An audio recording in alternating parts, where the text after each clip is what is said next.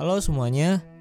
Balik lagi sama aku di sini di episode terbaru dari channel podcast dengerin horor dan di episode malam ini uh, aku bakalan bacain cerita horor lagi yang ada dari Twitter dan tentunya ini disupport sama akun Twitter baca horor. Oke, okay, jadi malam ini aku bakalan bacain cerita dari akun Twitter @bujangbangket yang berjudul Malam Pengantin. Sebelum aku mulai, aku mau ucapin terima kasih buat teman-teman yang udah ngasih rating dan reviewnya di Apple Podcast. Terima kasih saran dan kritiknya. Dan buat teman-teman yang udah di yang ada di Spotify, thank you udah di follow, udah di share ke teman-temannya. Oke. Jadi cerita ini berlatar belakang atau berdasarkan pengalaman dari seorang yang bernama Wawan yang berusia sekitar 35 tahun. Jadi si Wawan ini bercerita sama si Bujang Bangket, akun yang mana pemilik pemilik akun Twitter Bujang Bangket tadi. Jadi ini namanya malam pengantin aja judulnya. Pernikahan Mila menyenangkan di hari resepsi saja. Sisanya adalah malam-malam di neraka. Wawan usianya sekitar 35 tahun. Kejadian ini menimpa kakaknya, Mila. Oh iya. Wawan mengajak saya bertemu karena dia juga dari Pontianak. Menurut Wawan, seingatnya cerita ini berlangsung sekitar tahun 2004 atau 2005. Kakaknya berusia 19 tahun waktu itu. Masih baru lulus SMA. Mila adalah anak yang pintar di sekolah. Peringkatnya paling turun ya peringkat tiga. Juara satu udah langganan. Tapi sayang, keinginannya untuk kuliah harus terkendala e-, ekonomi keluarga yang buruk. Ayah Mila dan Wawan hanya seorang tukang, be tukang becak di pasar. Ibunya sakit-sakitan di rumah. Wawan pun masih SMP waktu itu. Karena itulah Mila terpaksa mencari kerja. Dari kenalan ayahnya Mila, Mila mendapat pekerjaan di sebuah toko. Toko itu milik Tamrin, seorang pria berusia 34 tahun. Tamrin dulunya bergajulan. Suatu waktu, ia merantau ke Malaysia. Ketika pulang, ia membawa banyak uang. Uangnya untuk modal membuat toko. Begitulah ia kemudian dikenal sebagai orang kaya.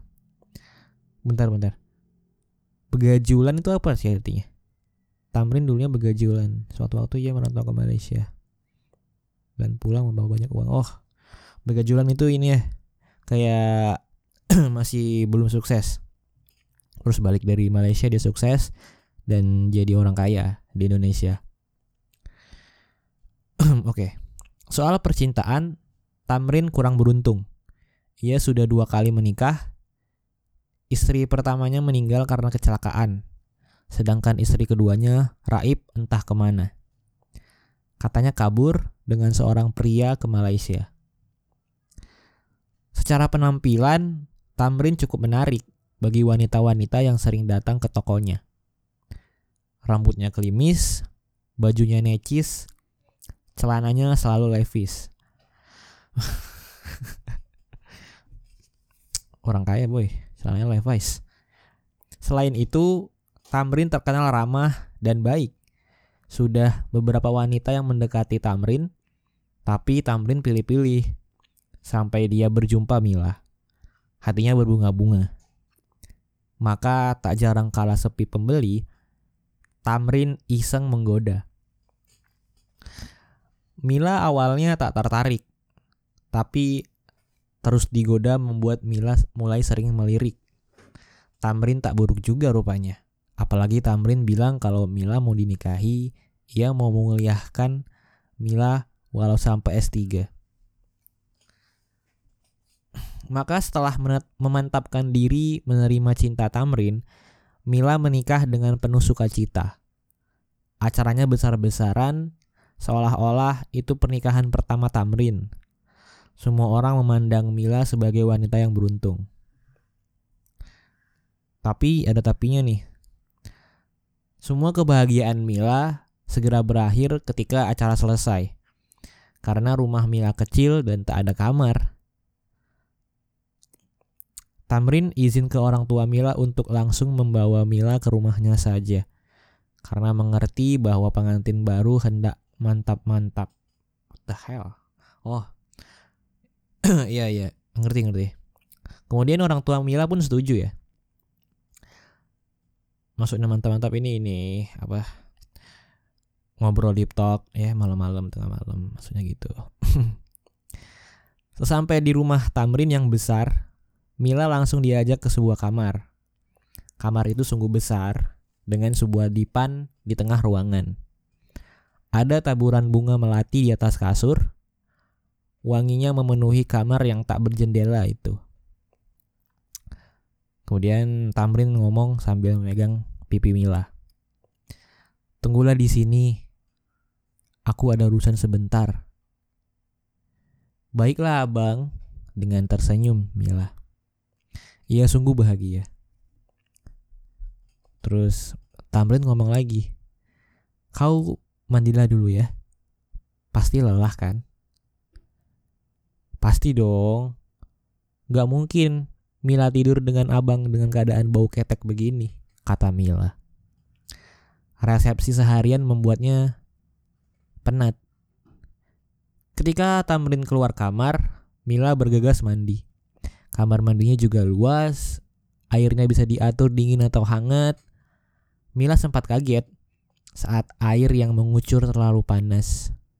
Setelah bisa menyesuaikan suhu, barulah Mila barulah Mila mulai mandi. Anehnya, air yang mengalir itu tercium begitu harum, seumpama bunga melati. Hebat. Bahkan air mandi pun bisa dibuat wangi seperti ini. Kalau kaya, apa saja bisa ya. Pikir Mila.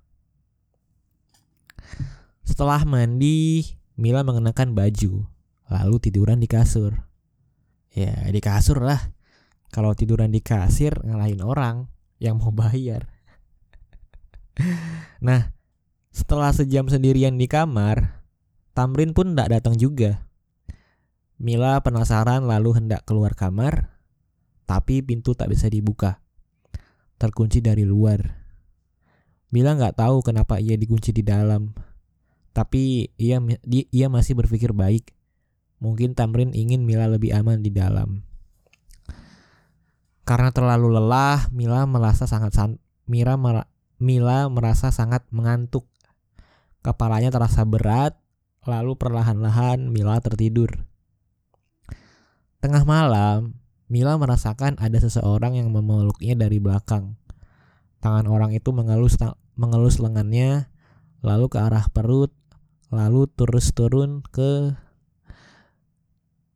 pusar. Ya ke situlah pokoknya. Dalam keadaan setengah sadar Mila mulai merasakan sensasi yang tak pernah dirasakan sebelumnya.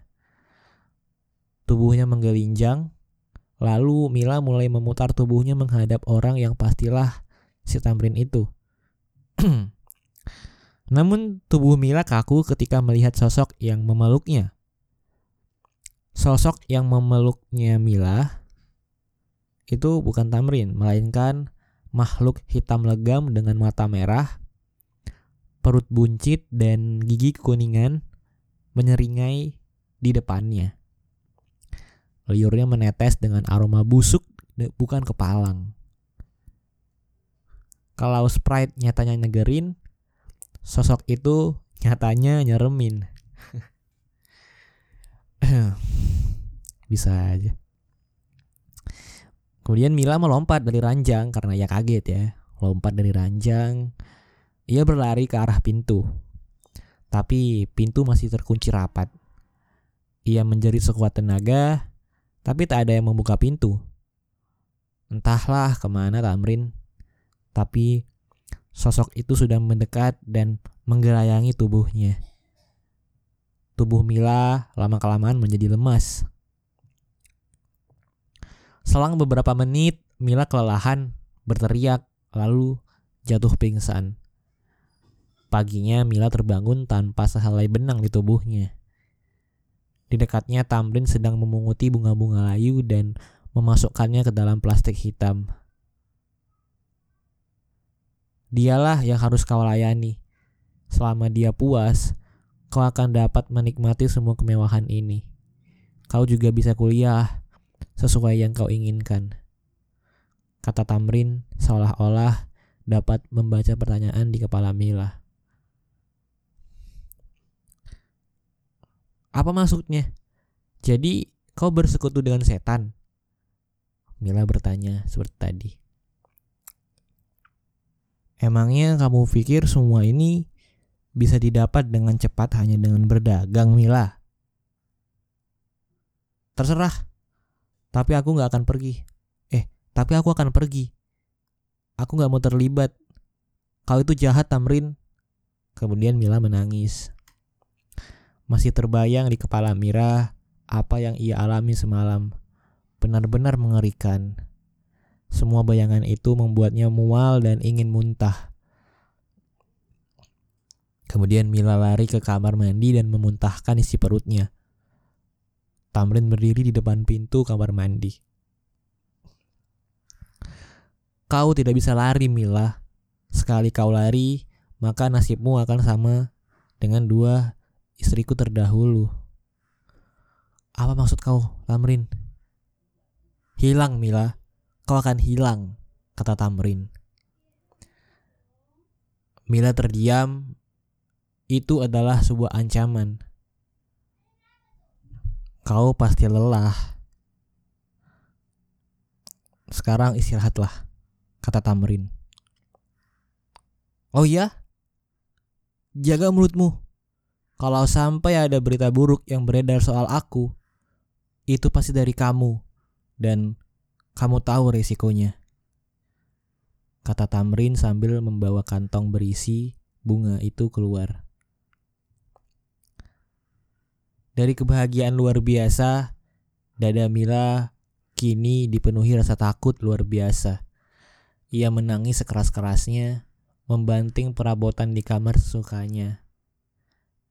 Ia nangis dan bingung, tapi nggak tahu harus bagaimana. Ketika waktu beranjak siang, Tamrin datang dengan makanan. Kau tak perlu khawatir. Kau tak perlu masak dan mengurus rumah. Semua bisa kukerjakan sendiri. Kau hanya perlu melayani tuan, kata Tamrin. Mila pun terdiam, tak menyahut. Ketika Tamrin pergi, pintu kembali dikunci. Mila merasa dirinya disekap. Nanti ketika kau sudah terbiasa, kau boleh pergi ke mana pun. Tapi sekarang, aku gak ingin kamu lari, kata Tamrin. Malam kedua di rumah Tamrin, Mila tak dapat tidur. Bayangan sosok menyeramkan itu membuatnya merasa sangat takut. Apakah sosok itu akan datang lagi malam ini. Keringat dingin mengalir. Mila menangis semalaman. Paginya, Tamrin membuka pintu kamar. Ikutlah denganku. Kita perlu berbicara, kata Tamrin. Kemudian Mila membututi Tamrin dari belakang. Mereka lalu duduk di ruang tamu. Kau tahu Mila, kita sama-sama terjebak. Kemudian Mila menjawab, "Kau korbankan aku. Sekarang kau bilang kau terjebak. Aku yang kau jebak, Tamrin." Tapi bila nggak aku lakukan, aku yang akan menanggung derita, Mila. Aku sudah bersumpah dan berjanji kepada Tuhan, kata Tamrin. Terus Mila balas lagi. Tapi itu bukan urusanku. Kau mati pun aku tak peduli. Kata Mila. Aku mengerti perasaan kau Mila. Aku mengerti. Pembual kau Tamrin. Sekali pembual, kau tetap pembual. Mila berteriak dengan garang. Tamrin pun terdiam. Gini-gini, Mila, aku ingin membuat penawaran. Kemudian dibalas sama Mila. Aku hanya ingin bebas dari semua ini. Dibalas lagi sama Tamrin. Gak mungkin. Sekali kau menolak Tuan, kau akan dihukumnya. Dibalas lagi sama Mila. Aku gak peduli. Terus dibalas lagi sama Tamrin. Kau ingin membuat bapak dan ibumu sedih. Hah? Kau tahu Mila? Dia tak selalu datang. Ia hanya akan datang sebulan sekali. Kau hanya perlu melayaninya sebulan sekali. Sisanya, kau dapat bersenang-senang dengan semua harta yang aku punya. Kemudian dibalas sama Mila. Aku yang kau korbankan. Kau juga yang menikmati semua harta ini, kata Mila. Penderitaanku membuat perjanjian dengan Tuan tak kalah pedih, kata Tamrin. Pilihanmu hanya dua, menolak lalu hilang dan keluargamu sedih, atau berkorban menikmati kekayaan lalu mengobati ibumu yang sakit-sakitan itu, kata Tamrin. Kemudian Mila pun terdiam Gak menjawab hingga Tamrin pergi. Berhari-hari Mila memikirkan kata-kata Tamrin. Sepanjang malam dilaluinya dengan rasa trauma dan yang amat dalam. Pernah ia berniat bunuh diri. Tapi ketika terbayang wajah ibu dan bapaknya, dipendamnya perasaan itu dalam-dalam. Suatu malam, Mila mengalami sebuah peristiwa aneh. Di antara tidur dan bangun, ia mendengar suara perempuan menyebut namanya. Mila, Mila, Mila. Ketika Mila membuka mata, ia seperti melihat seorang wanita berdiri di pojok kamar. Namun, tak lama sosok itu menghilang. Sekian detik kemudian, di kejauhan Mila, Mila mendengar suara peki kesakitan. Mila gak dapat tidur, pikirannya melayang-layang. Sosok apa itu? Adakah hubungan dengan makhluk hitam legam itu? Dua minggu dihantui rasa takut dan ngeri, Mila menerima kabar yang tak menyenangkan. Di suatu siang, Tamrin pulang dengan tergesa. Kita harus ke rumah sakit, Mila. Ada apa? Tanya Mila. Ibumu kambuh. Mila panik dan mengikuti Tamrin. Kenapa kau mengajakku menjenguk ibu setelah kau kurung aku di rumah? Kalau kau tidak menjenguk dan menjaganya, orang-orang akan curiga. Lagi pula, aku percaya kau gak akan macam-macam.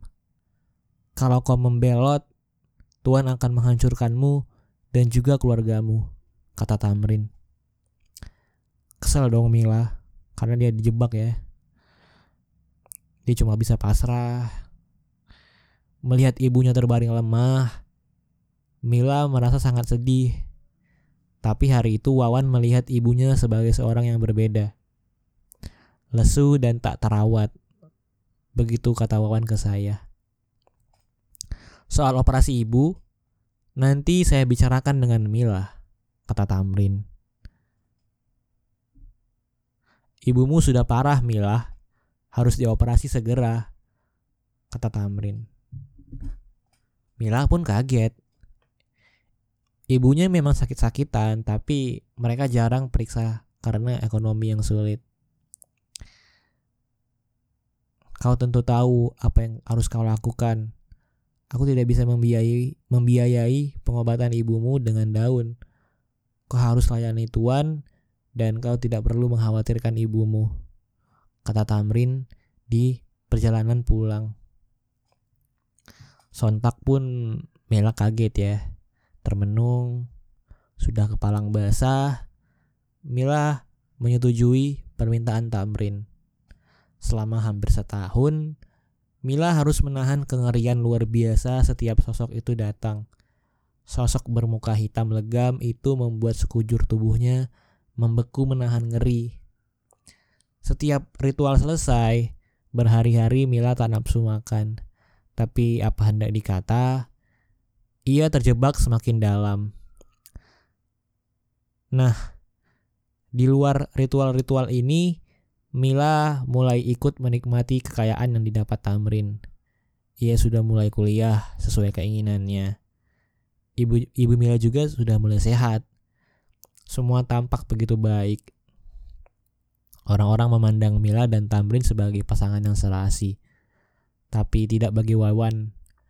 Ia dapat merasakan pengubah, perubahan pada kakaknya. Menurut Wawan sebelum menikah Mila itu lebih riang anaknya. Tapi setelah menikah, jadi lebih cool gitu. Hemat bicara. Pendiam. Tapi waktu itu Wawan mikirnya mungkin karena udah menikah ya. Terus kemudian akhirnya Wawan sesekali menginap di rumah Tamrin. Tapi ia nggak betah. Hawanya aneh, pengap, dan nggak nyaman. Nah, bagaimana dengan hubungan Tamrin dan Mila? Kata Tamrin, Mila bukanlah istrinya. Ia menikahi Mila hanya sebagai kedok. Ia tak boleh menyentuh Mila atau tuannya akan marah. Jadi sebenarnya mereka tuh tidur di kamar yang berbeda. Namun yang menyakiti, yang menyakiti hati Mila, Tamrin sering kali pulang membawa perempuan di depan matanya. Perempuan itu tak lain adalah pemuas, pemuas nafsu Tamrin. Sementara itu, Mila juga sering mengalami peristiwa aneh. Ia sering ditemui sosok perempuan berambut lebat, bermata sayu, dan sesekali tampak tersenyum. Sambil tersenyum, ia tampak seperti sedang berbisik, "Pergilah, Mila."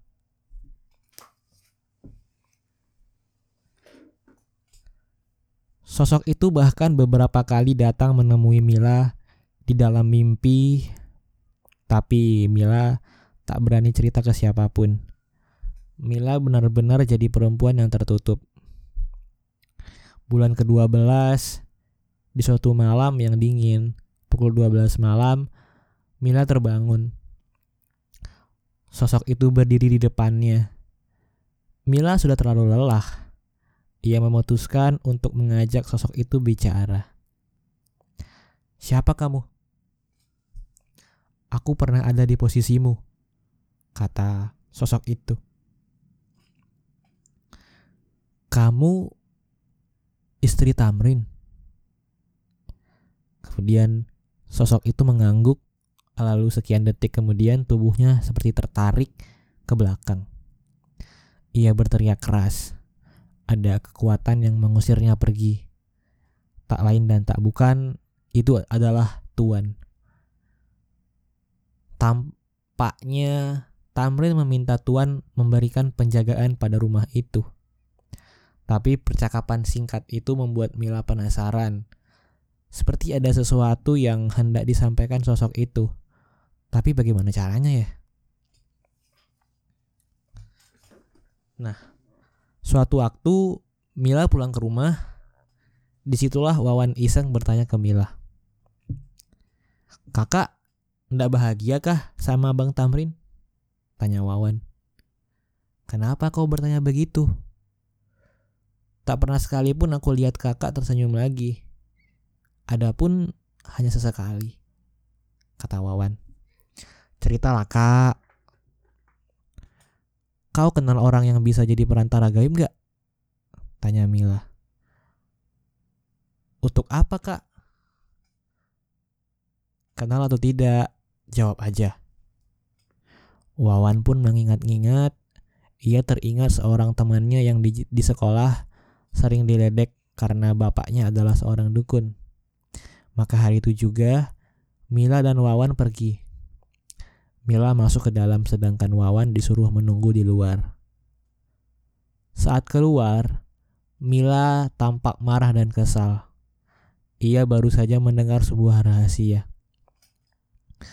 Jadi di dalam, Mila dibukakan pintu ke alam yang beda. Ia berjumpa mantan istri Tamrin. Sosok itu bercerita kalau ia ingin menyampaikan sebuah semua kebusukan Tamrin. Tapi setiap dia ke rumah itu, sosok hitam itu mengusirnya.